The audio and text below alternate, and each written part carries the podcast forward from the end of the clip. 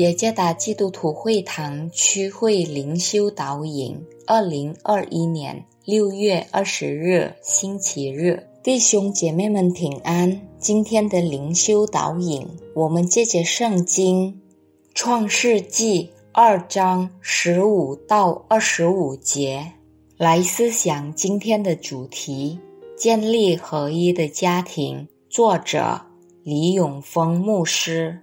创世纪二章十五到二十五节，十五节，耶和华神将那人安置在伊甸园，使他修理看守。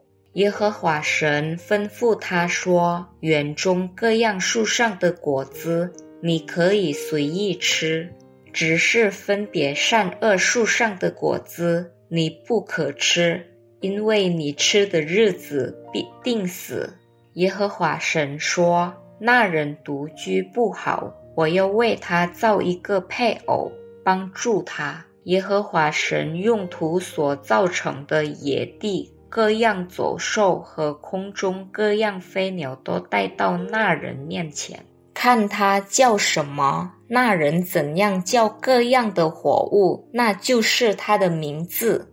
那人便给一切牲畜和空中飞鸟。野地走兽都起了名，只是那人没有遇见配偶帮助他。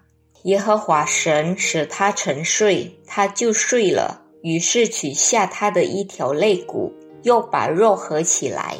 耶和华神就用那人身上所取的肋骨，造成一个女人，领他到那人跟前。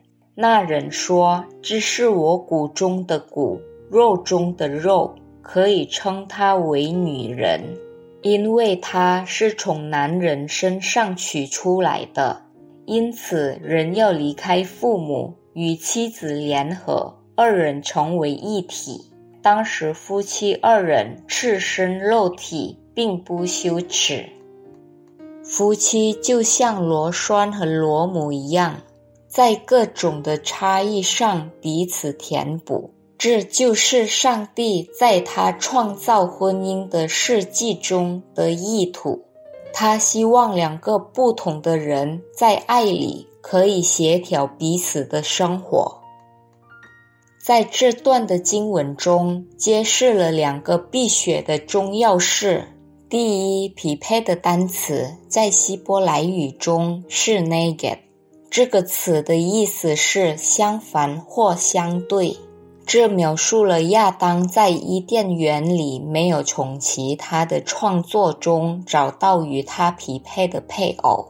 上帝创造夏娃是来成全亚当，从那里亚当找到了那个女人与他的匹配。意思是男人和女人是对立的，但他们是相辅相成的。第二，一体。意思是，婚姻是一生要忠诚的承诺，并在婚姻里合一，面对生活中的任何挑战，为了一起的生活，只是彼此相爱、彼此尊重、彼此带导的挑战，直到死亡的分离。